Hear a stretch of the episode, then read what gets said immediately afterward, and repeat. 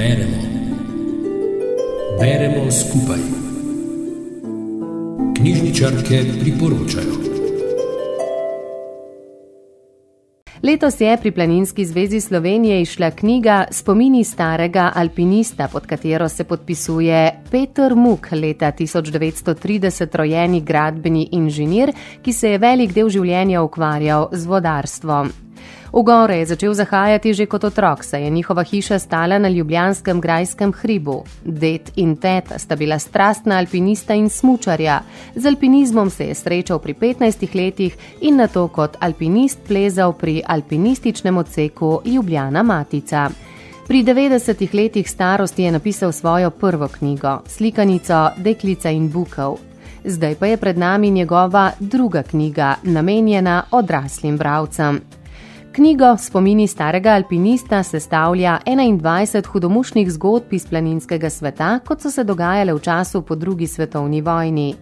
Povojna generacija slovenskih alpinistov se je ob vsesplošnem pomankanju osnovnih dobrin spopadala še s pomankanjem alpinistične opreme.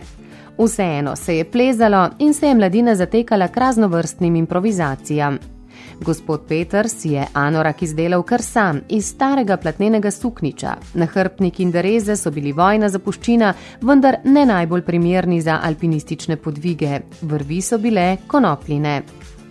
Knjiga ni napisana kot alpinistični priročnik ali pregled skozi čas. Zbrana so avtorjeva doživetja na poteh po hribih in gorah Slovenije, pa tudi izven njenih meja.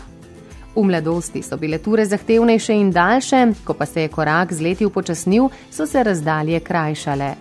Avtor nam pripoveduje o ljudeh in njihovih navadah, o dogajanju v koči, o prehrani, o prebavnih tegobah in higieni. Seveda pa je vse začinjeno z obilico humorja. Avtorja so k izdaji teh zanimivih zgodb spodbudili znanci na letnih srečanjih alpinistov veteranov na Vršiču, kjer so redno obujali spomine že prej pa je pisal članke za revijo Planinski vestnik.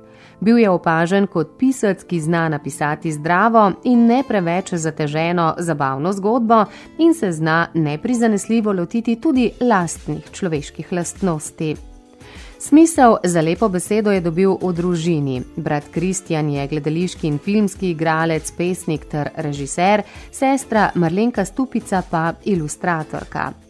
To ljubezen pa je prenesel tudi naprej na svojo hči Deso, ki je prepoznavna pisateljica, igralka in voditeljica.